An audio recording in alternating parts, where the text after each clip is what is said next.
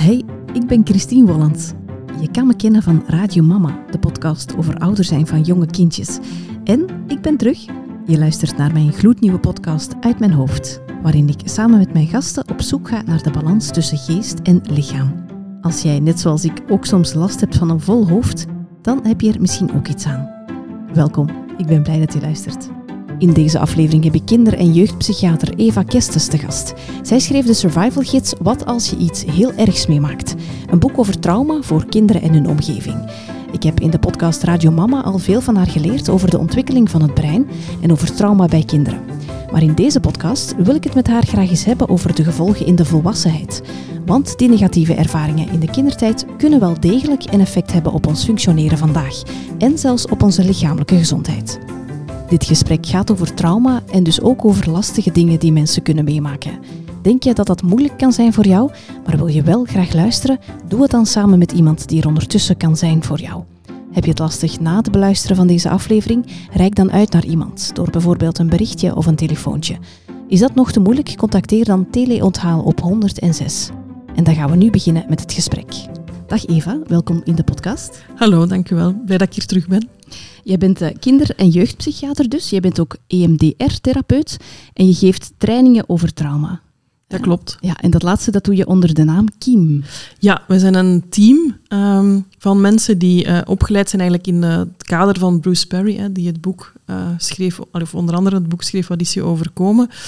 Um, en ja, wij geven, wij geven vorming rond trauma um, aan eigenlijk iedereen die ons vraagt, om het zo te zeggen, ja. om eigenlijk die uitleg te doen van wat, wat doet...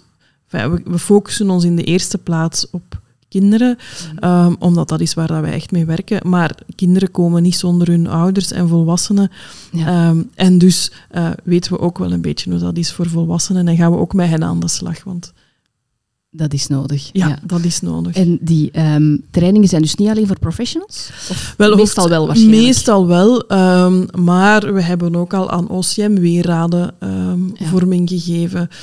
dus ja, waar mensen denken van, goh, dat zou eigenlijk handig zijn voor onze organisatie om daar iets over te weten. Ja. Uh, want trauma raakt iedereen en elke organisatie. Is het nuttig om daar uh, toch wel kennis van te hebben. Ja, en van waar komt de naam Kiem? Kiem, ja, we hebben daar wel wat over nagedacht. Um, en eigenlijk ja, willen we heel graag kiempjes zaaien. Um, want ik denk, hoe meer dat we de kennis verspreiden rond trauma en wat het dat doet, um, dan hopen we dat dat eigenlijk, ja, dat dat kiem, ja, kiempjes komen plantjes uit en die geven nieuwe zaadjes en dan kan dat eigenlijk op verder en verder verspreiden. Ja. Dus dat is eigenlijk ja, onze hoop, dat als we de kennis verspreiden, kiempjes zaaien, ja, dat dat dan aan tijd... ja zich verspreidt. Zich verspreidt, ja. En dat we uiteindelijk uitkomen op een uh, traumasensitieve maatschappij, want dat zou een groot verschil maken voor ons allemaal.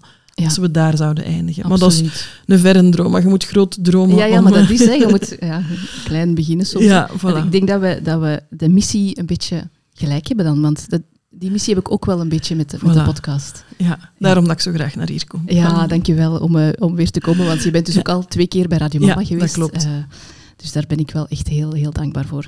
En uh, het boek dat je daar straks hebt um, vernoemd, zal het nog eens herhalen. Wat is je overkomen?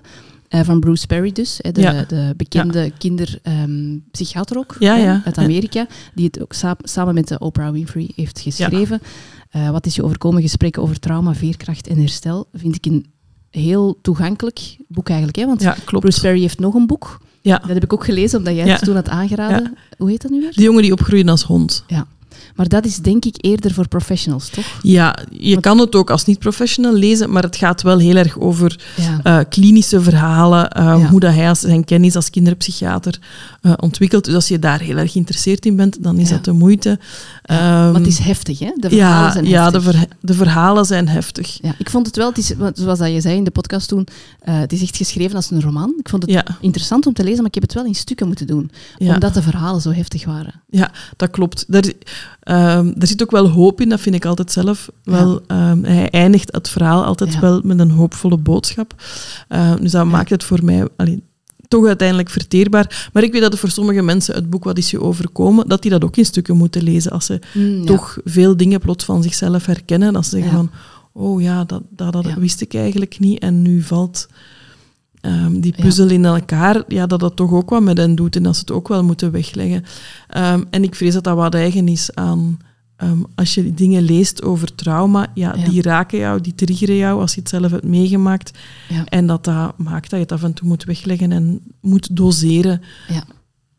Ja, om het eh, draaglijk te houden. Dan maakt het ook misschien zo'n beetje een iets moeilijke of uitdagendere missie, omdat het zowel het woord trauma, ik denk dat het wel al beter is, maar het is wel nog zo'n zwaar woord waar heel veel mensen, denk ik, liefst niet te veel over willen Ja, horen. Hè?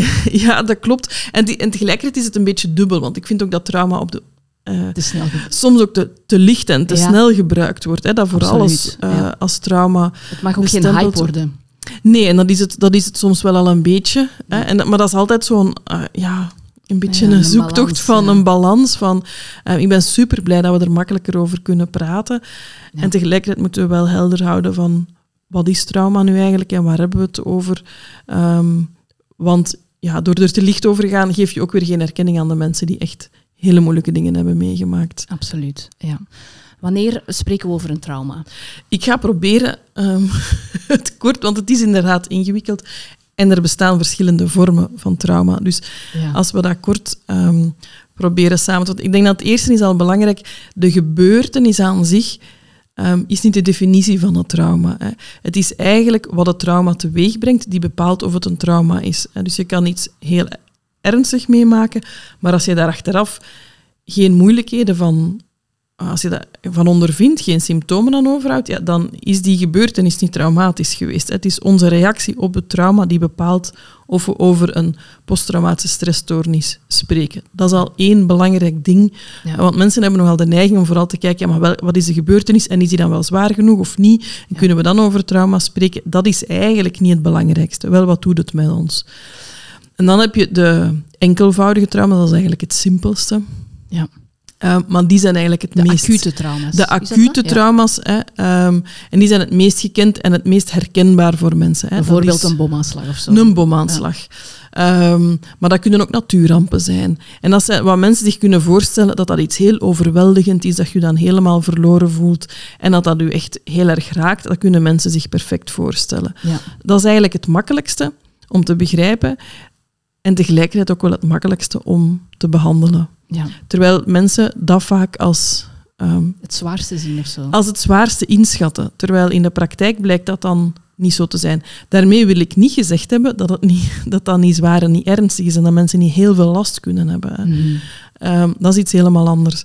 Maar dat is heel zwaar en ernstig, maar het is wel makkelijker behandelbaar. Omdat het een eenmalige gebeurtenis is. Een eenmalige gebeurtenis. En het is vooral gemakkelijker behandelbaar als jouw leven tot dan toe ja. eigenlijk redelijk gewoon verlopen is zonder al te grote hobbels. Hè? Want dat is dan wel de Ja. voorwaarde, dat je eigenlijk daarvoor Ja. stevig in je schoenen stond en een Ja. gezond relationeel netwerk rond jou had Ja. en dan zoiets heftig meemaakt, dan ga je gemakkelijker daarvan herstellen. ja, en ook met het belangrijke woord redelijk. Ja, Hè, want iedereen maakt dingen mee die Klopt. lastig zijn. ja. Ehm, een leven zonder moeilijke dingen, dat bestaat niet. Nee, hè. exact, dat bestaat alleen in de... En zelfs in de sprookjes bestaat het niet. nee. In, ook in de sprookjes maken de prinsen en prinsessen Trauma's allerlei ja. vervelende dingen mee. Ehm, dus dat, dat, dat bestaat gewoon niet. Hè? Nee. Een leven waarin dat je niks meemaakt. Daar zouden we ook niet sterk van worden. nee. Je hebt wat hobbels in de weg, wat frustraties nodig die je overkomt Ja. om een beetje veerkrachtig in het leven te staan. We hebben letterlijk stress nodig, ook om, Om te dingen te ondernemen en ja, zo. Hè? Ja. ja, dat klopt. Ehm, alleen, het moet redelijke stress zijn die we de baas kunnen. Ja. Dus we hebben het acuut of het eenmalig trauma. En dan hebben we het chronisch trauma. Hè, dingen die heel lang die, die zich herhalen, die blijven bestaan. Ehm, dan kunnen we bijvoorbeeld denken aan de, aan de oorlogsveteranen, die ook, zoals ik daarvoor zei, hè, de- daarvoor een redelijk gewoon leven hadden en die Ja. dan in omstandigheden komen waarin dat ze heel lang heel verschillende heftige dingen meemaken. Hè. Ehm, dat is eigenlijk chronisch trauma. Ja. Um, en dan hebben we het ontwikkeling, en daar hebben we eigenlijk nog niet één term voor. Hè. Dan hebben we ontwikkelingstrauma of complex trauma. Omdat het nog niet in het DSM echt is opgenomen, zijn er nog verschillende Ja. titels voor. Uh, maar ontwikkelingstrauma zegt eigenlijk waar het over gaat. Dat gaat over ingrijpende gebeurtenissen die je als kind meemaakt en Mm. die jouw ontwikkeling beïnvloeden op verschillende ontwikkelingsdomeinen. Ja. En, um, en dat, is de, dat is de groep waar ik Ja. het meest mee werk. Hè, en, en mijn collega's met mij. Hè. Ehm, en dus dat is hetgeen waar ik het meeste Ja. over En dat weet. zijn dan trauma's in de kinderjaren. Wel. Ja. Ja. Ja. En die zijn eigenlijk het meest impactvol, ehm, omdat net ons brein, hè, want dat is dan de dada waar, eh, van waar ik en met welke bril ik kijk, ehm, dat kinderbrein is volop in, ont- in ontwikkeling. En dat, heeft, ja, dat is een spons hè, voor alles wat dat er aangeboden wordt. Ehm, ja, daarom leren kinderen zo snel. En je leert nooit meer zo snel als die eerste twee, drie levensjaren, hè, die belangrijke de eerste duizend dagen. Hè. Ehm, en dus dat kind is een spons, dat leert, hè, dat leert stappen, spreken, ehm, al die dingen. Ja. Maar dat is niet alleen voor de positieve ervaringen, maar ook voor de negatieve ervaringen is dat een spons. Dus als je op hele jonge leeftijd ehm, mo- moeilijke dingen maakt of chronische stress meemaakt, dan schrijft zich dat in, in Ja. je brein. Dat heeft een rechtstreeks impact op dat ontwikkelend brein. En Ja. dat bepaalt dus ook je- hoe dat jouw stresssysteem werkt, Ook als volwassene. ook als volwassene, ja. Dat bepaalt ook hoe dat je naar het leven kijkt, eh, hoe dat je relaties ervaart, ehm, hoe goed dat jij hebt geleerd om emoties te reguleren, om jouw gedrag onder controle te krijgen. Dat heeft dus een grote invloed daarop, Ja, op je functioneren. op je functioneren. Belangrijke side note daarbij, hè. ons brein is plastisch, dat wil zeggen, dat kan blijven leren. Dus Ja, het is niet Ook na die drie jaar nog. ook na die drie jaar, hè, ehm, tot 25 blij- blijft dat brein rijpen. Maar zelfs na 25 jaar kunnen er nog dingen veranderen. Al gaat het trager, al is het moeilijker. Hè. Als we dingen Ja. willen leren na ons 25, dan kost ons dat meer tijd. Ja. Eh, maar dat- we weten Het met z'n allen, het kan wel. Hè. Ehm, Ik kan nog piano leren nu als ik dat zou willen. hè. ja, maar je gaat nooit, Zo snel als... je gaat nooit zo snel en de Koning Elisabeth-wedstrijd winnen. Nee. Dat zal waarschijnlijk er niet meer in zitten. Eh, maar je kunt wel leren piano spelen. Je gaat wel een aantal stukken heel mooi kunnen spelen als je dat wilt. Ja. Ehm, en dus dat wil zeggen en, hè, dat ook het leren reguleren van je stress, van je emoties, van je gedrag, ook dat zijn dingen die je nog op latere leeftijd kan leren, maar het zal u meer tijd vragen, meer moeite Ja. dan ehm, op jongere leeftijd. Ja. ja, en ik denk zo, als je zo naar de wereld kijkt vandaag, dat, het, dat, dat heel veel dingen eh, stoelen op, op net die problemen. Hè. We, emoties die niet gereguleerd geraken en de manier waarop dat we met stress omgaan. En, Ja, we leven in een, een, een, eh, een wereld waar, dat we, waar ons brein eigenlijk niet voor gemaakt is. Eh, eigenlijk, ons brein is niet meegeëvolueerd. De, de, de technische evolutie die we hebben meegemaakt, ja, die is zo gigantisch snel, maar ons brein kan dat eigenlijk niet volgen. Al die prikkels die op ons afkomen, we zijn eigenlijk gemaakt om als uh, jager-verzamelaars in een kleine groep mensen van 36, 60 mensen zo ons te functioneren en met die groep heel erg geconnecteerd te zijn en heel erg verbonden met de natuur en met het ritme van de natuur ja. Prikkels binnen te krijgen. Ja, dat is hoe dat we nu aan het leven zijn. Dus ons brein kan dat niet aan en dat maakt dat ons systeem ja, heel vaak in overdrive uh, zit. Um, dus ja, daar, dat is ook wel... Enfin, dat zijn, we moeten niet terug naar de jager-verzamelaar. Nee, nee, maar die, die, inderdaad, die evolutie gaat trager. Ja. Ons, van ons lichaam en ons brein ja. past zich minder snel aan dan Ja. wij eigenlijk met die AI en al. Ja. Knal Ja, ja, het wordt- ja, ja. Dat gaat veel sneller, waardoor Ja. het een disbalans Ja, is. maar die kennis dat we eigenlijk daarvoor gemaakt zijn om zo te leven, kan ons wel helpen om na te denken van wat kan ons helpen om ons stresssysteem terug Ja. Wat meer tot rust te brengen. Hè. En ehm, ik denk dat mensen dat in coronatijd heel erg ondervonden hebben. Hè. Er was eigenlijk best wel veel stress, maar ehm, er zijn nooit zoveel mensen in de natuur gaan wandelen en voelden van hey, buiten zijn, in de natuur zijn, dat doet iets met mij. Dat, dat, dat maakt, ondanks het feit dat ik toch wel wat stress ervaar, dat kan mij wat rust geven. Hè. Of hè, er zijn heel veel mensen dan beginnen bakken, veel trager gaan leven en ontdekken Ja. van hé, hey, dat is misschien ook niet slecht. We zijn dat heel snel met z'n allen weer vergeten. Ja, dat is... Hè, maar, maar het was veel rustiger op straat, er waren geen vliegtuigen. Ja. Enfin, er was een hele periode dat je voelde van wow, hè, de, Ja. En zo'n nieuwe manieren van connectie zoeken. Ik herinner mij dat, dat eh, de open van onze kindjes dan eh, verhaaltjes voorlas. ja. En dat opnam en dan die video's naar ons stuurde. Of dan via FaceTime verhaaltjes voorlas. Zo Ja. een nieuwe manier zoeken. Of Ja. gaan wandelen met Ja. mensen om dan Ja. bij te praten. Dat was wel het grootste gemis, hè, het fysieke contact met mensen. Dat hebben we ook. Ja. Ja, en dat hebben we ook gemist, hoe essentieel Ja. dat is. Hè. Dus dat is meteen een ander belangrijk gegeven. Oké, en dus we gaan denk ik vooral nu toespitsen in deze aflevering op hè, dat trauma, eh, ontwikkelingstrauma dan. Hè, dus Mhm. de trauma die Mhm. gebeurt in de kinderjaren, een vroeg Ja. kinderlijk trauma heet Mhm. dat. En wat, wat doet dat dan eigenlijk met een ontwikkelend brein? Wat gebeurt daar dan? Wel, ja, je kan het nooit... Het, het- het blijft complex, want het is voor ieder individu ook wel wat anders, omdat het te maken heeft met op welke leeftijd gebeurt het. Ja. Dus ehm, ons brein is eigenlijk voorgeprogrammeerd om dat je bepaalde dingen leert op bepaalde leeftijden. Hè. We, leren, we weten allemaal dat we zo rond de leeftijd van een jaar leren stappen. Ja. Maar je gaat maar stappen als het jou ook wordt aangeboden. Ja. En hetzelfde geldt met praten en hetzelfde geldt voor emotionele ehm, ontwikkeling, relationele ontwikkeling. Al die dingen moeten jou aangeboden Ja. worden. En trauma kan maken dat één jouw stresssysteem overprikkeld geraakt, waardoor dat je veel sneller, dat, dat veel sneller stress gaat ervaren, ook als het er niet is. hè. Ehm, en dus dat je veel sneller gaat overreageren, dat je voor kleine prikkels ontploft, hè, uit je eh, Raam schiet. eruit je ra- raam schiet. Ehm, of als je bijvoorbeeld als heel jong kind bedreiging ervaart, als baby. Ja, en een baby gaat in de eerste instantie beginnen heel erg te huilen, om te zeggen van haal mij hier weg. Hè, ehm, om de, de flight te activeren. Die kan niet zelf vluchten, dus die gaat wenen om een verzorger erbij te halen om die zich uit een moeilijke situatie weg te halen. Maar Ja. als dat niet gebeurt, dan gaat die toeklappen, dan gaat die Shutdown. shutdown, dan gaat hij dissociëren.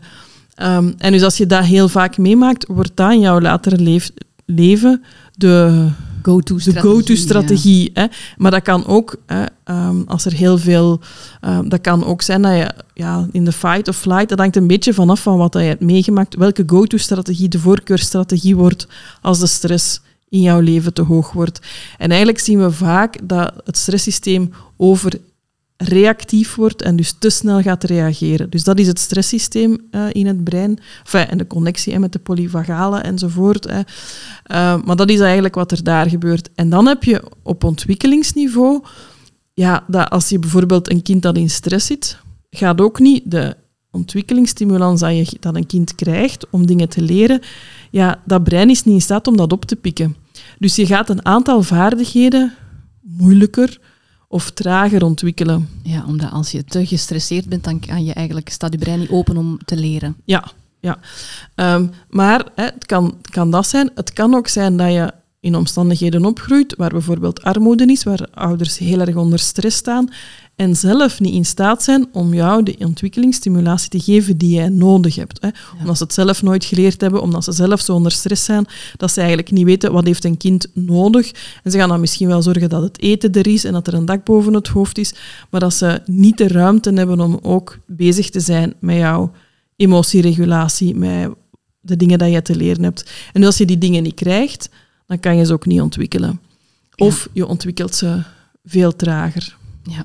En dus je kan op, wij zeggen dan op um, ja, on, dysregulatie, ontregeling zien op vlak van aandacht en gedrag. Dus dat, um, en dat, dat speelt zich dan door in het latere leeftijd, dat je ziet dat mensen meer problemen hebben met concentreren. Ja. En dat heeft dan vaak met hun hyperarousal te maken, dat ze eigenlijk continu op aanstaan en continu aan het checken zijn, is de omgeving hier veilig of niet?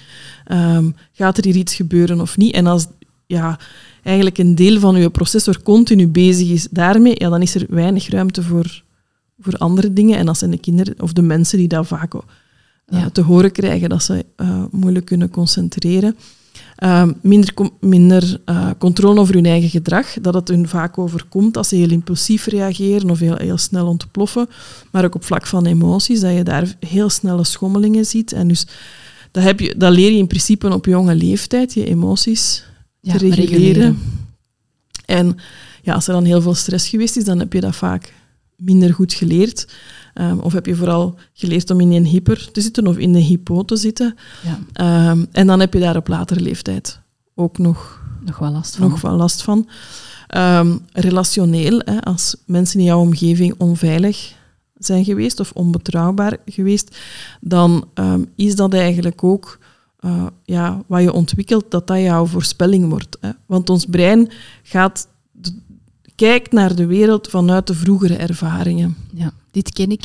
Ja, dus elke nieuwe ervaring zorgt van, oké, zo, zo zit de wereld Ja, bevestigt een bepaald wereldbeeld ja, of zo. Ja, ja stel dat je opgroeit in een gezin waar dat er heel veel aandacht is voor jou en jij wordt wakker en dan zegt, ah, oh, goedemorgen, en je krijgt heel veel bevestiging van dat ze jou graag zien, dat je de dingen goed kan. Als jij dan op straat komt en er is iemand die naar jou glimlacht, dan gaat jouw brein voorspellen, ah, ik word graag gezien, die mens is vriendelijk tegen mij.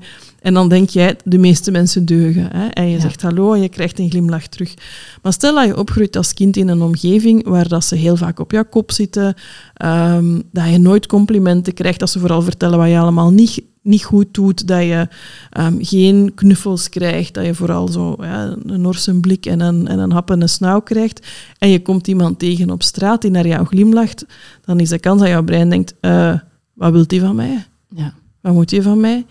Dan vertrouw je dan niet dat iemand naar jou glimlacht. Dat is bizar, ja. ja. Dus je, je brein legt verbanden, verbanden met, en processt elke informatie vanuit de, ja, de kennis dat het heeft van vroeger, met de vroegere ervaring.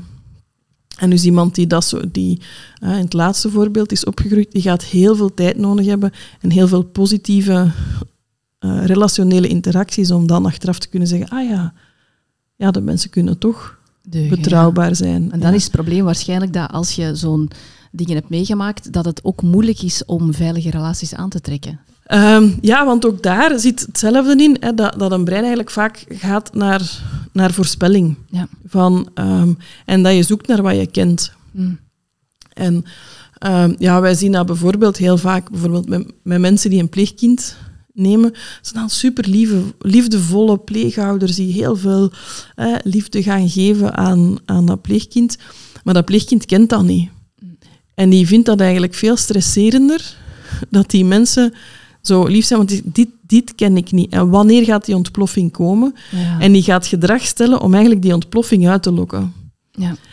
Um, want dat voelt veilig, vertrouwd Want dat, dat voelt vertrouwd. Dus dan liever het onveilige van het vertrouwde dan het, ja, dan het onveilige van wat dat ze niet kennen. Het veilige, ja. En dus dat geeft hen eigenlijk stress. En dat is eigenlijk belangrijk om te snappen. We vertellen vaak van ja, zo. Um, we hebben allemaal snelwegen aangelegd van, door de, van de dingen die we geleerd hebben. En dat zijn onze go-to um, reacties of blik op de wereld. En als je iets nieuw wilt uh, gaan doen of het anders gaan doen, dan moet je een nieuw padje aanleggen. En dat is zoals een bospadje. En je moet daar eerst um, ja, al het onkruid wegsnu en dan daar heel vaak overlopen. Dat is waarom dat goede voornemens ook zo vaak mislukken. Hè. Want je hebt die een highway die je gewoon bent om te nemen en dan dat nieuw padje. Het is veel gemakkelijker om die te ja, pakken. Ja, en dus dat vraagt elke keer weer moed en heel veel overtuiging van jezelf van nee, ik ga toch die moeilijke weg pakken. Um, en dat maakt, dat, of dat verklaart waarom herstellen van trauma of de dingen anders doen of andere relationele keuzes maken, um, ja, vaak wel wat tijd vragen. En heel veel, ja, en heel veel moed. De easy way out lijkt. Dat is, nee, nee, terwijl het, het kan soms ja, de weg naar herstel zijn, maar ja. dat, dat is wel een weg die je dan bewust moet nemen, want dat is niet uw spontane weg dan. Ja, oké. En wat als je als kind, um, dus je zegt die eerste duizend dagen, de eerste mhm. drie jaar zo, um, dat is dan preverbaal ook. Hè, dus voordat ja. dat kinderen eigenlijk taal kunnen geven aan mhm. wat dat ze mhm. meemaken, um, maar ook misschien heel vaak geen herinneringen hebben. Hoe zit dat dan? Hè? Want zijn er niet, lopen er niet heel veel mensen rond die wel vroegkinderlijk trauma hebben, maar het eigenlijk niet weten? ja, dat klopt. je kan het dan vaak wel uh, aan, aan hun gedrag of symptomen die ze uh, vertonen uh, zien. Um, en die herinneringen die zijn er wel, maar die zijn gewoon meer zintuigelijk opgeslagen. Die zijn non-verbaal opgeslagen. Dus eerder het ehm, lichaam. Ja, want ons lichaam heeft ook een geheugen. En ik denk dat dat is zo... Ja, ik denk als je geuren zijn zo hetgeen wat dat mensen zich wel iets kunnen bij voorstellen. De geur van de pannenkoeken bij je oma, als dat een gezellige herinnering was, dan kun je zo, je kunt soms iets ruiken en meteen hup, ergens Ja. terug zijn. Dat is echt zo rechtstreeks. Er- dat, is, dat is een rechtstreekse toegang. En, dus, en dat, dat, gaat, dat kan ook gaan over dingen die je niet meer weet, eh, of niet meer, waar je geen taal Ja. eh, voor hebt. Ehm, maar het lichaam onthoudt dat wel. En dus dan, dan kan het bijvoorbeeld zijn dat je getriggerd wordt in een... hè, de geur van de pannenkoeken van de oma is een positieve Ja. herinnering, maar je kan ook door geuren herinnerd worden aan iets negatief. Ja. En, dan, en soms, ja, daar ben je niet altijd bewust van. Nee, je kunt het ook misschien niet altijd plaatsen. nee. Van, van nee. wat is dat nu dat ik... Hè? Dus je, Ja. je ruikt iets en je wordt terugge, teruggecatapulteerd naar een gevoel dan Ja, eigenlijk. ja, en je voelt dan stress of je benauwd of je zegt, ah, ik moet hier weg, want Maar die je weet geur... niet waarom, maar- ja. Nee, eh, als je het al weet, is die geur. Hè, Ja. Maar je weet daarom niet altijd waarom. En dat kan ook een stemtimbre zijn, dat kan ook eh, een baard, een pet, een hoed. Ehm, Het kan zo één zintuigelijk detail zijn dat u triggert eh, terug naar... En als je het ja, je nog herinnert, dan, dan, dan ga je het weten. Maar vaak is dat dan iets eh, ja, wat, wat vooral je lijf voelt. Ja, en hoe kan je dat, hoe kan je dat herkennen zo? Ehm, ik denk dat ehm, ja, als je je ineens ontregeld voelt en je hebt zelf geen... Vanuit het niks zo. eh, Allee, het lijkt vanuit het, niks. Het lijkt vanuit het niks te komen. Ehm, en dat als je dan herhaalt, want we kunnen natuurlijk allemaal wel een keer voor hebben, maar dat je merkt van, ah, dat overkomt mij zo vaak en ik ben dan helemaal ontregeld of ik ben dan weg of, Ja. of ik ontplof plots. Ja. En ik weet niet, dat kan een blik zijn van iemand of een woord dat iemand Ja. zegt. Ehm, ja, Kan je daar dan ook mee aan de slag nog als volwassene zo? Als je zo ehm hè, dat vroegkinderlijk trauma waar je eigenlijk geen herinneringen aan hebt, dat dat echt in je, lichaam zit, kun je dat dan nog aanpakken? Ja, Ja. Eh, er is altijd nog een weg om te gaan. Ehm, maar dan moet je veel meer de lichamelijke insteek gaan nemen. En dan moet je heel erg met dat stresssysteem aan de slag. Hè, de, Ja, de Met dingen de van, symptomen eigenlijk. met de symptomen. Ja, maar je moet eigenlijk je stresssysteem terug wat, wat eh, veerkrachtiger gaan maken. Dus, en eigenlijk ontdekken van, oké, wat zijn de dingen die mij ontregelen? Wat zijn de dingen die mij helpen om terug Ja. terug rustig te worden. Hè. En dat hoeft niet helemaal kalm en zen te zijn, maar wel van ik voel terug dat ik mezelf voel en dat ik helder kan denken. Ehm, en dat kan voor sommigen is dat sporten. Ehm, maar ademhalingstechnieken kunnen daarbij helpen. Ehm, ja, het is echt leren voelen van wat zijn de dingen die mij doen, die mij triggeren, die mij omhoog kunnen gaan en wat zijn de dingen die mij doen zakken en daar een beetje zicht op krijgen en daarmee gaan, gaan oefenen. En dus yoga, ademhaling, beweging. Maar voor sommigen is dat muziek, is dat dansen. Ja. Ehm, dat kan ook, ja, nee, ja, Iets wat je zenuwstelsel eigenlijk ja opnieuw eh, in een veilige, kalme status, status brengt. brengt. Ja, exact dat. En zo het ontregeld zijn, is dat, gaat dat dan puur over emotionele uitbarstingen of zo? Of kan je dat zo eens kort kaderen, zo die window of, of tolerance? Ja, je kan het soms ook gewoon puur lichamelijk voelen, hè, dat je hartslag helemaal omhoog gaat, dat je sneller gaat ademen, Ja. ehm, dat, dat je begint te zweten en dat je voelt van "Huh, er overkomt mij iets en, en daarom hoef je dat niet emotioneel te voelen. Ehm, eigenlijk gaat het, het kan ook gaan over, om die fight of flight Ja. of freeze response te gaan, hè, dat je het gevoel hebt van ik, ik ga hier ontploffen, ik begin te schelden, Ja. ehm, of ik, ga, ik, ik wil hier weg. En Of ik, paniek of zo? Of paniek. hè. Hyperventilatie. Ja, hyperventilatie kan ook een symptoom zijn, maar niet elke hyperventilatie. Hè, ehm, Hoort bij trauma. hoort bij trauma, maar ehm, er is wel heel vaak de Ja. link. Ehm, of ja, je gaat, je gaat weg, hè, je dissocieert. Hmm. Ja, en dat is, dat is een- wat is Figuurlijk weggaan eigenlijk. Ja. Ja. dat is figuurlijk weggaan. Hè. Je bent er nog met je lijf, maar je, je, en je hebt dan een, een, een manier waarin dat je nog wel er bent en registreert wat er gebeurt, maar dat je zo wat in jezelf gekeerd bent en dat je het gevoel van ik kan niet meer reageren. Hè. Ja, bevroren. Dat... Bevroren, ja. Ehm, lichte vormen daarvan zijn wel iedereen, denk ik, eh, kent die met een auto rijdt, is dat je onderweg zit en op een bekende weg, die je een beetje op automatische piloot aflegt, dat Ja. je ineens ergens komt en denkt, huh? Ik ben er al. ik ben er al en wat heb ik dat? En ik heb eigenlijk niks geregistreerd van Ja. Het deze hoeft periode. dus ook niet per se negatief te zijn, dissociatie. Nee, nee, nee. Dissociatie kan ook iets hè, lezen, eh, scrollen op Instagram. Dagdromen. Dagdromen zijn allemaal vormen van dissociatie die ons eh, kunnen helpen. Netflixen, Ja. en dat is goed om af en toe te doen. als je dat heel vaak doet of heel vaak nood aan hebt, ja, dan is er wel een ander Ja, probleem. dan zit er hè. iets zonder wat dat je... Ja, dat je iets aan het eh, vermijden bent. Dat ja, je iets, iets dat, er voelt, dat, dat je voelt van er is iets lastig en ik, ik ga daarvan weg. Hè. En je hebt dan de meest extreme vorm, is eigenlijk wat, wat, ehm, dat je ook echt niet meer weet, dat je er echt niet meer bij bent. Dat je je niet meer kan herinneren wat er gebeurd is. Ja. Ehm, mensen, sommigen beschrijven dat als ik, ik, ik keek naar mezelf van op een afstand. Ehm, hè, bijvoorbeeld bij misbruik is dat iets dat heel vaak voorkomt. Ja. Of- maar dat kan ook bij een heel ernstig auto-ongeval, dat mensen zo beschrijven van... Ik, en dan voel je geen pijn. Ja. Ehm, je hebt geen gevoel voor tijd meer. Ehm, je hart gaat dan trager net, net slaan, je ademhaling gaat trager, je, je, gaat, ehm, je lichaamstemperatuur gaat zakken. Eigenlijk Ja. gaat je lijf zich dan helemaal proberen te beschermen tegen ernstige verwonding.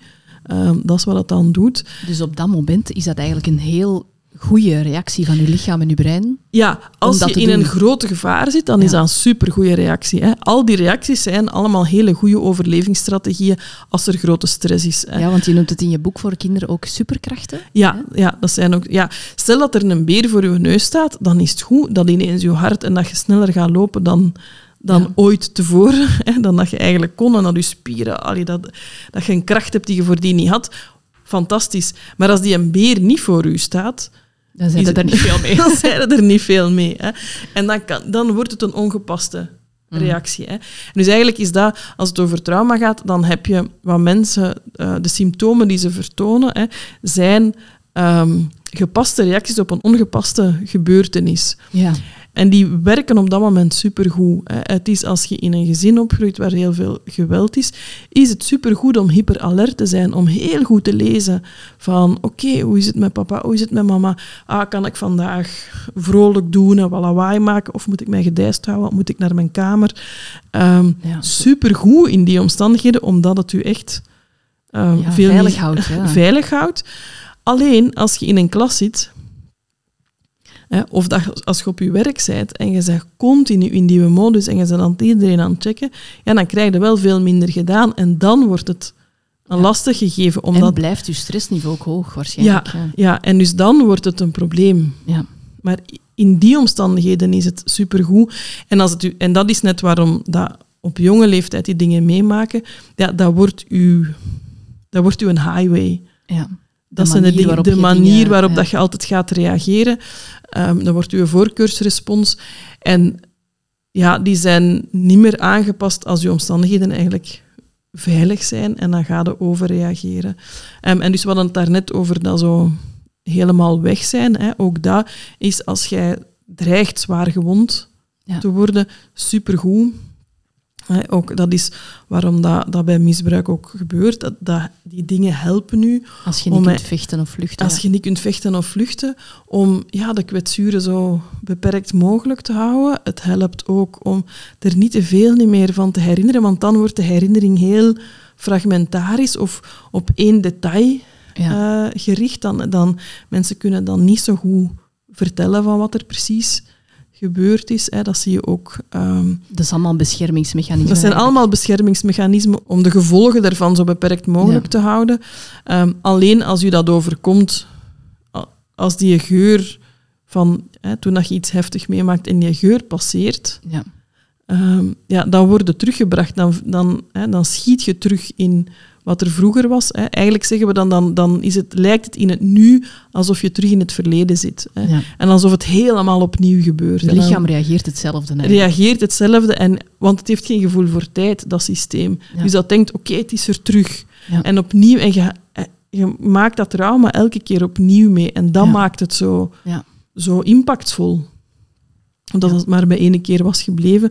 Maar eigenlijk wilt uw brein snappen wat er, hier, wat er hiervan te leren. En dat doet het u elke keer opnieuw beleven. Of als er een, een prikkel komt, dan zit je terug in het verleden. Hè. En, Ja. en kunt je niet meer zien dat het hier en nu... Voorbij is. Ja, Ja, en ook dus die, die activatie, dat, bijvoorbeeld dat voorbeeld van die beer. Hè, als er een Ja. beer voor u staat, of die staat er niet, maar je hebt toch dan, hè, al, eh, je bloed gaat naar je spieren en je Ja. zuurstof verhoogt en je gaat sneller ademen en zo, zodat je snel kunt lopen. Maar als je blijft staan en dus niet gaat lopen, dan blijft al die energie dus geactiveerd in je lichaam. ja. En dan komt er eigenlijk geen... eh, Dus dat is een piek, maar die gaat dan niet terug afzwakken. Nee. En dus dat is bijvoorbeeld, hè, stress is goed als je bijvoorbeeld en een topsporter, die heeft dat ook. Hè. Ja. Die, die, daar gebeurt dat ook, dat al die, al die zuurstof verhoogt, die spieren zijn. Hè. En die heeft een stresspiek en dan zakt dat en dat zakt terug naar baseline Ja. niveau. En net dat is wat er niet gebeurt. Hè. Het zakt niet naar baseline niveau, het blijft eigenlijk op een hoog niveau. En dat is ook waarom het zoveel lichamelijke gevolgen heeft, hè, waar jij daar net ehm, naar verwees. Ja, want daar wil ik het zeker ook over hebben. Hè. Dus Ja. ehm, eh, dat is misschien ook niet zo... Allee, of ik denk dat dat nog te weinig geweten is. Eh, dus de invloed dat het heeft op ons volwassen functioneren, dat hebben we nu net eh, besproken. Maar het heeft ook een invloed op ons lichamelijk welzijn. Ja. Kunnen we het eens hebben over die ACEs, wat dat, wat dat precies is? Ja, de ACEs, hè, dat is de afkorting van Adverse Childhood Experience of negatieve levensgebeurtenissen in het Nederlands. Ehm, er zijn er zo'n tien omschreven en die gaan eigenlijk allemaal over ofwel slachtoffer ofwel getuige. Hè, want dat is belangrijk dat, dat, dat het eigenlijk even impactvol is om getuige te zijn als kind van Ja. geweld ehm, en over emotioneel geweld, zowel als fysiek geweld, misbruik. Ehm, maar ook ouders met een psychiatrische problematiek, hè, opgenomen in een huis. eh, Waar je het allemaal ziet eigenlijk. Waar je het allemaal Ja. ziet en waar je de ontregeling en de onvoorspelbaarheid die daarmee Ja. eh, gepaard gaat, ehm, dat je daarmee opgroeit. Ehm, ouders in gevangenisschap eh, zijn of gescheiden worden van je ouders. En dat kan door een echtscheiding van, eh, van je ouders zijn, maar dat kan ook door een plaatsing zijn of ouders die overlijden. Ehm, dus er zijn er zo een tiental opgemaakt. En de studie is ondertussen al, ja, meer dan ja, al twintig jaar oud. Maar ze was heel groot wel, hè? Maar ze was heel groot, ja, en is bij, echt bij duizenden middenklasse Amerikanen, want dat is echt wel heel, heel belangrijk om, om, eh, om te onthouden, ehm, gebeurd. En ze zijn eigenlijk gaan kijken van, oké, ze hebben dan al die mensen gevraagd van, wat waren, hoeveel van die gebeurtenissen heb jij meegemaakt en hoeveel ehm, emotionele, maar ook lichamelijke problemen heb jij op dit moment. En dan hebben ze gezien dat, eigenlijk voor, dat er echt een, een lineair verband is tussen het aantal van die ACEs dat je hebt meegemaakt en de vergroting van kans op allerlei problemen. En dus de emotionele problemen, die kunnen mensen zich heel makkelijk voorstellen. Hè, dat je eh, makkelijk depressief wordt, ehm, ja, dat je misschien gemakkelijker relationele problemen hebt, dat je misschien gemakkelijker suicidaal wordt, angstproblemen, Verslavingen. verslavingen, dat kunnen mensen zich allemaal voorstellen. Maar ehm, wat daar ook uit voortkwam, was dat duidelijk was dat mensen ook een verhoogde kans hadden op diabetes, op auto-immuunziekten, op hart- en vaatziekten, op kanker. Ehm, en dat is veel moeilijker om meteen te vatten. Ehm, of om te begrijpen, maar dat was wel heel... En dat is, de- die studie is verschillende keren herhaald en elke keer opnieuw komt daar datzelfde uit. En waarom zeg ik dat het belangrijk is om te weten dat dat over middenklasse gaat? Omdat heel vaak wordt gedacht van, ja, maar dat zijn mensen met trauma, die leven in armoede en het is vanuit de armoede dat zij geen toegang hebben tot gezondheidszorg en dat maakt dat zij al die lichamelijke problemen Ja. ehm, hebben.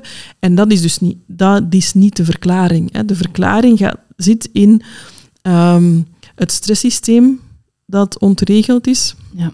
En eigenlijk zien we ehm, op heel veel verschillende niveaus, zelfs op celniveau, op genetisch niveau, dat trauma een impact kan hebben. Hè. En dus dat chronisch onder stress staan, gaat je immuunsysteem eh, gevoeliger maken of over doen reageren, waardoor dat je dus vatbaarder wordt voor auto-immuunaandoeningen. Je glucose-regulatiesysteem geraakt ook verstoord, waardoor dat je dus gemakkelijker kans hebt om diabetes eh, te ontwikkelen. Enzovoort. Hè.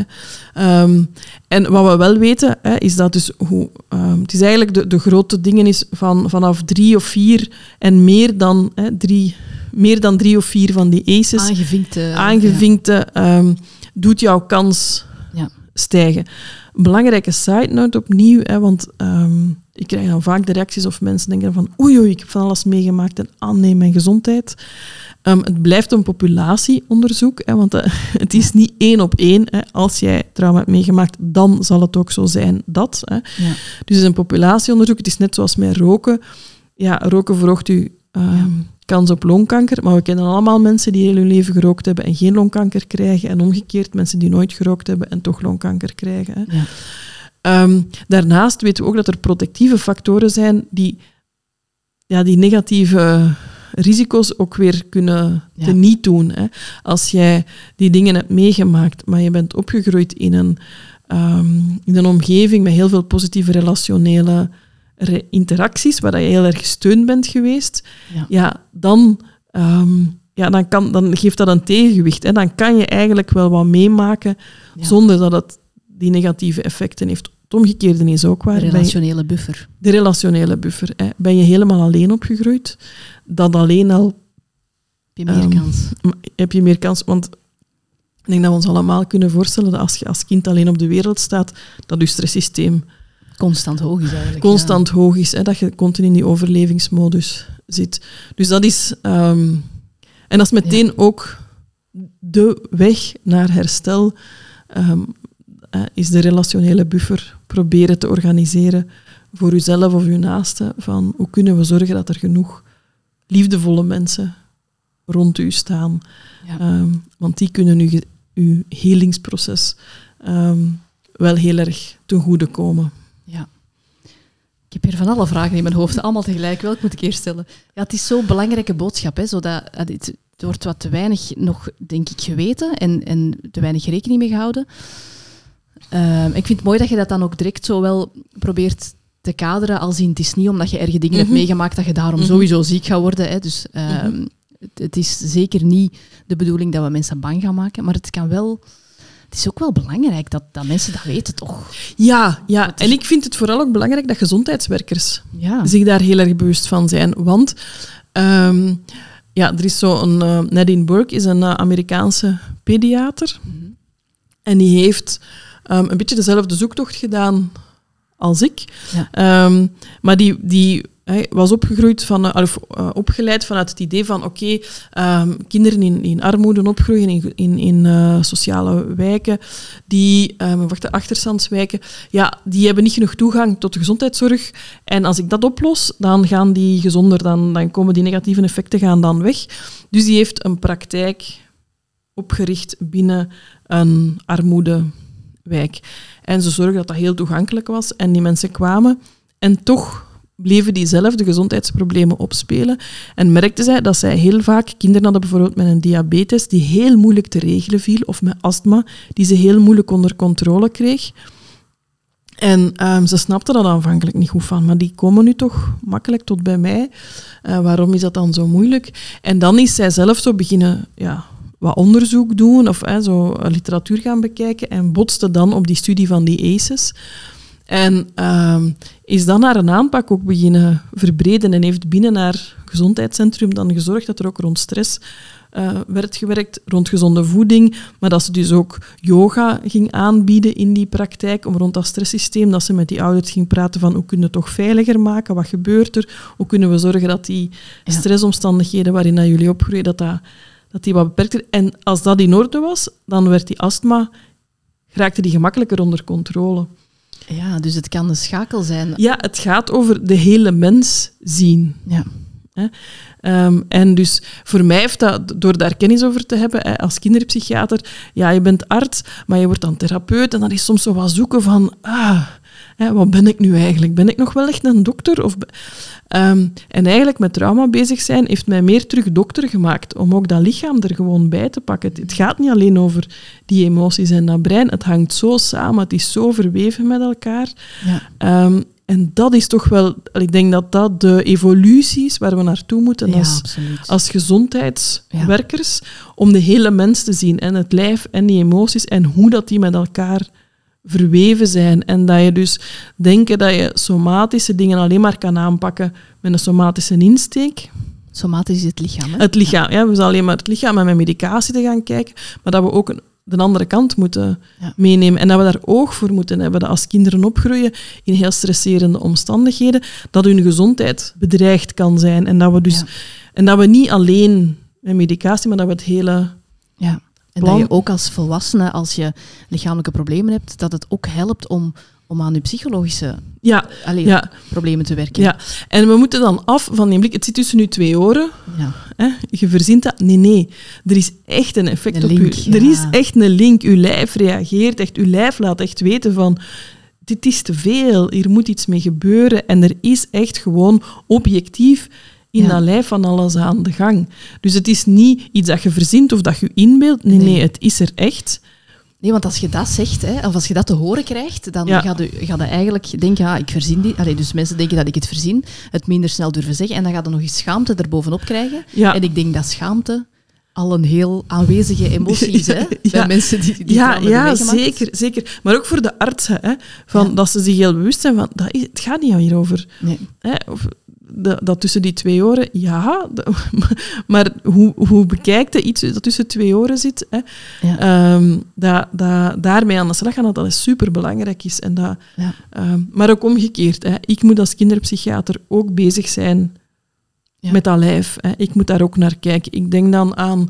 ehm, aan ik had ooit een jongen die, waarbij ik eh, bijvoorbeeld huiduitsel, eczeem is ook iets dat heel erg gelinkt is aan stress. Hè. Eczeem wordt niet veroorzaakt door stress, maar verergert wel onder stress. En ik Ja. herinner mij nog dat ik in een gesprek zat met een jongen en zijn mama en ehm, dat ik de eczeemplekken gewoon in zijn ellebogen zag verschijnen.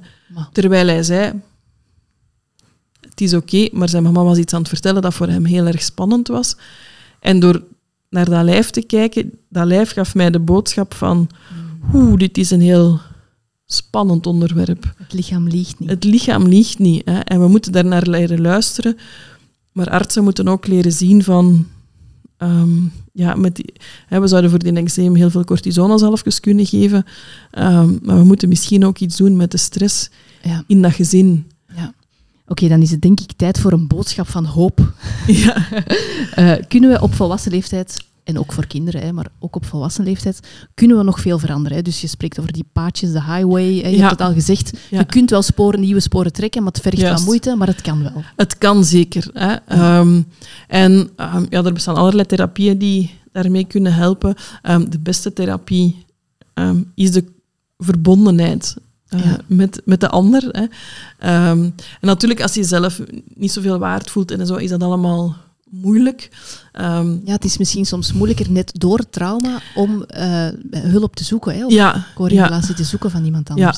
Ja, Ehm, en dan is het eigenlijk enfin, beginnen erover te spreken met anderen en ehm, hen misschien het boek van Oprah of mijn boekje misschien aan te reiken van lees daar misschien eens over, dat ze jou misschien beter gaan begrijpen wat er gebeurt als je het zelf niet zo makkelijk Ja. Kan vertellen.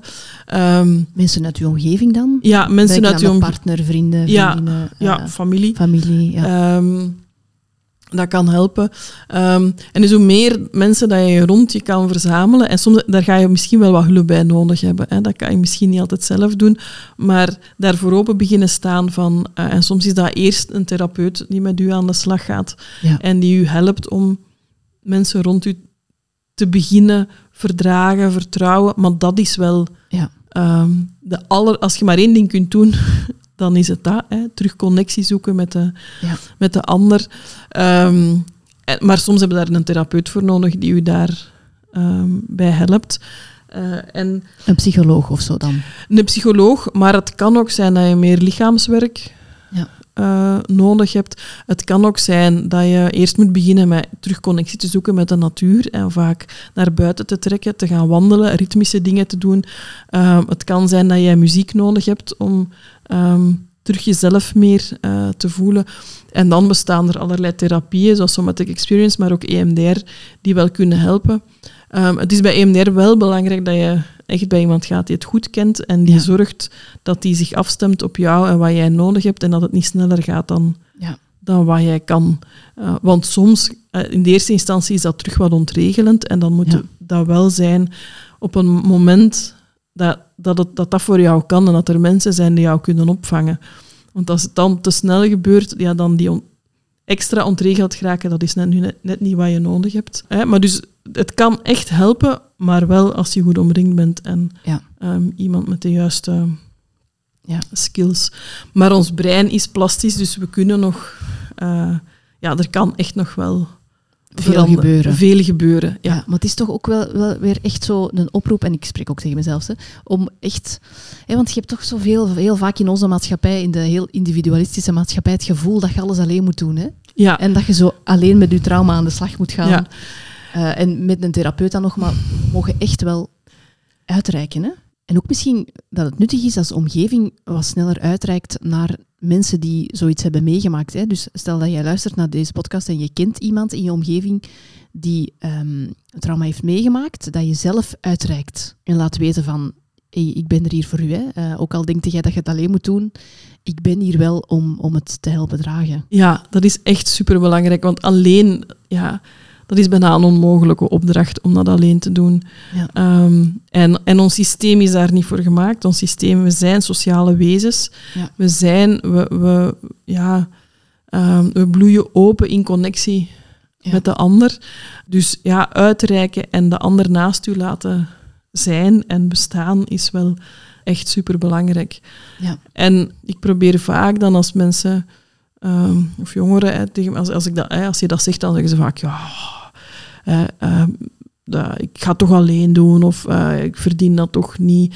En als je dan vraagt, ja, maar wat zou je tegen uw vriend zeggen of tegen uw vriendin, als die u dat zou vertellen, zou je dan zeggen, ja, ja je moet dat vooral helemaal alleen doen. Um, dan zeggen ze meestal, ja nee, ik zou er willen zijn voor die ander.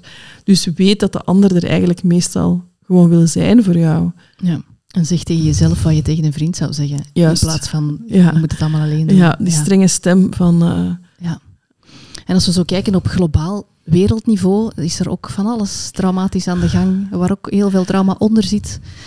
Uh, hoe kunnen we ons steentje daarbij bijdragen vanuit onze zetel hier thuis? Ja, ik denk in eerste instantie met Kiem, ons grote doel is om traumasensitieve maatschappij. Het gaat over um, onze ik, maar het gaat ook over ons gezin, over de ruimere familie, onze vrienden. Eh, beginnen zien dat wat mensen overkomen is, dat dat hun functioneren gaat beïnvloeden. Ja. Um, en dat we dat door dat te begrijpen, dat we dichter bij hen komen en dat we ook beter kunnen gaan zien wat heb je nodig. Ja. Um, ja, dat zorgt al voor, voor allez, dat de connectie gemakkelijker wordt. En dan gaan zien van we hebben eigenlijk een warme samenleving nodig waar we er zijn voor elkaar. Hè. Um, en daar hebben we wel hè, hebben we onze politici toe aan te manen om ook te zorgen dat dat, dat, dat komt. Hè. Want um, besparen op armoede um, en uh, ja, de druk hoger leggen op gezinnen, ja, dat gaat maken dat de stress overal groter wordt en dat uiteindelijk het ons veel meer gaat kosten aan mentale en lichamelijke gezondheid. Hè. Dus het is op nationaal niveau ja. belangrijk om er kennis van te hebben. Op internationaal niveau, en als we dan kijken nu naar, naar um, Israël en Palestina, dat is verschrikkelijk. Hè. Maar dat zijn eigenlijk twee getraumatiseerde ja, bevolkingen die vanuit hun eigen trauma reageren. Um, en geen van beide, um, de aanslag die in Israël gebeurd is, was echt niet, niet oké. Maar te verstaan vanuit de jarenlange uh, onderdrukking en het grote trauma dat de Palestijnen uh, hebben ervaren.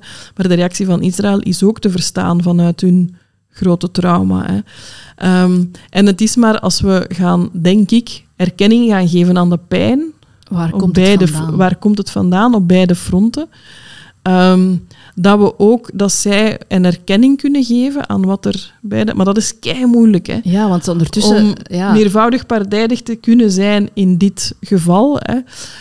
Um, en dat is op geen enkele manier dat je kan goed praten wat er op dit moment aan het gebeuren is. Hè. Er is, er is geen. Er is geen um, goed spreken aan, hè, want het is gewoon, het moet, het moet stoppen. Hè. Uh, maar als we echt naar een oplossing willen, dan gaan we wel die beide staten hun pijn moeten erkennen. Ja. En dat wil niet zeggen dat je goedkeurt. En dat is zo, het is heel nee. vaak zo'n misverstand, hè? Ja, ja, en dus dat is ook op kleine schaal, hè, het misverstand. Hè. Jongeren die van alles mispeuteren. Ja. En als je zegt van, ah, maar wat hebben die meegemaakt? Of zelfs en, kleuters. Of zelfs kleuters. Hè. En je zegt van, wat hebben die meegemaakt? En probeer ja. te begrijpen waar het vandaan komt. Dan is, oh ja, mogen die dat dan? Nee. Hè.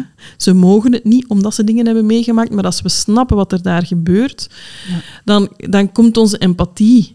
Um, ja, wordt dan aangewakkerd en dat gaat maken dat we ja, toch anders kunnen kijken en dat we, dat we wel in gesprek kunnen gaan en echt kunnen luisteren. En als, als zij zich gehoord voelen, dat ze dan misschien ook wel kunnen gaan openstaan voor... Ja. Um, maar het gaat ook over heel duidelijk zeggen, dit zijn de grenzen van wat niet kan. Ja. Hè? Dit is niet oké, we gaan geen bevolking uitmoorden, dat kan niet. Ja.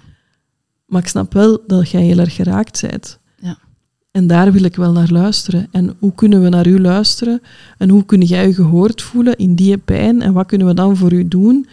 Dat, jij die pijn niet meer moet voelen. Mhm. En ja, dan voel je dat er iets anders kan komen.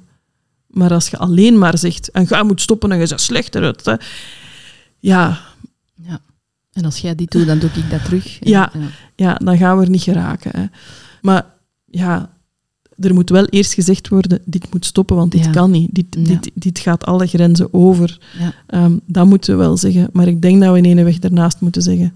Maar ik snap dat, u, dat je reageert vanuit de pijn. Maar dus eigenlijk kunnen wij werken aan nabije omgeving, dan een beetje groter, dan nog wat groter, zodat alles eigenlijk Ja, ja, elkaar beïnvloedt. ja hè? dus zaaien, plantje laten groeien waar terug zaadjes uitkomen en dat, altijd alsmaar hè, het, groter. het, kiem, ja. het kiemidee.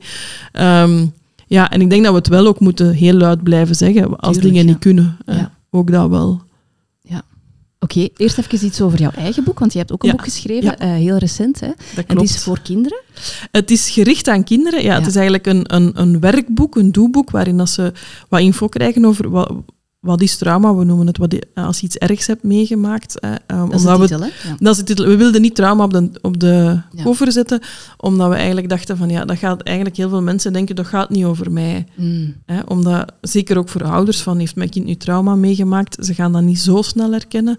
Ehm, terwijl iets ergs meemaken, dat, dat gaan mensen al wel sneller eh, linken. Dus dat, dat was wel een bewuste keuze.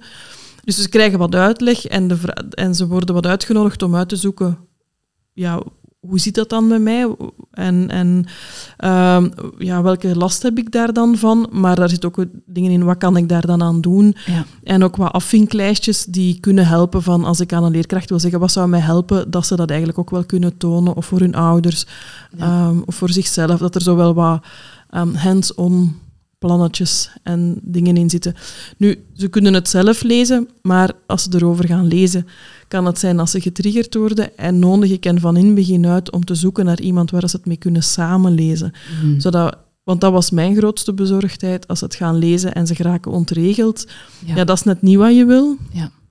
Ehm, maar dat er, dat er dan iemand is voor hen om hen te ondersteunen en te reguleren, zodat ze ehm, het met stukjes en beetjes toch kunnen lezen en daar iets mee doen. En als er volwassenen meelezen, want het is gericht aan kinderen, maar het is eigenlijk ook voor begeleiders, therapeuten, eh, leerkrachten om het samen met kinderen te lezen. Het is een handige tool om ook als therapeut te gebruiken Ja. eh, samen met kinderen. En als ouders het meelezen, ja, je wilt hen op die weg mee informeren, hen mee laten nadenken over, over hun kind, maar misschien ook over zichzelf, waar ze misschien dingen in herkennen. En, ehm, ja, en doordat dat het eenvoudig taalgebruik is, is het uiteindelijk ook voor veel mensen toegankelijk. Ja. Misschien zijn de tekeningen dan wat, eh, wat kinderachtig voor sommigen, maar de taal is denk nee, ik wel... vind van niet eigenlijk, want Nee. ik heb het nu ik heb het ook aangeschaft Ja. en ik heb er ehm, eh, de voorbereiding in gelezen. En het is, trauma is zo- het is zo'n onderwerp dat heel ingewikkeld is. Er Ja, is heel klopt. veel info over en het is eigenlijk heel handig, ook als volwassene vind ik, om dat boek te lezen. En zo is een keer alles eenvoudig uitgelegd hè, Mhm. op kindertaal en met die afbeeldingen en zo. eh, vind ik het zelfs eigenlijk als volwassene een aanrader. Ja, ik heb het nogal wel gehoord van ervaringsdeskundigen die zeggen van oh, het is wel handig Ja. voor mezelf, want soms, ik, als, ik, als ik op mijn top functioneren ben, dan kan ik al die moeilijke boeken ook lezen of hè, dan Ja. kan ik daar ook op, met ingewikkelde termen over denken en praten. Ja. Maar als ik het even moeilijk heb, is het wel handig om Ja, zo terug te kunnen grijpen naar meer eenvoudige taal, om ja, met een partner of een therapeut zeggen van Ja. kijk, maar hier, hier gaat het over. ja. En eh, die taal ook te hebben, maar in een eenvoudigere vorm. En waar droom je zo van, waar die boeken terechtkomen? Waar zou je ze graag overal zien liggen? Goh, ja, ik zou ze heel graag in heel veel scholen zien liggen, eh, maar zowel in de leraarskamer, Ah, ja. Ja. dat ook leerkrachten het lezen, want ik denk dat zij Ja. er ook wel veel uit kunnen opsteken. Ehm, ja, in veel therapieruimtes, bij mensen die met kinderen werken, ehm, Ja. maar misschien ook degenen die met de ouders werken, Mhm. dat die toch ook daar eens een blik eh, in werpen. Ja.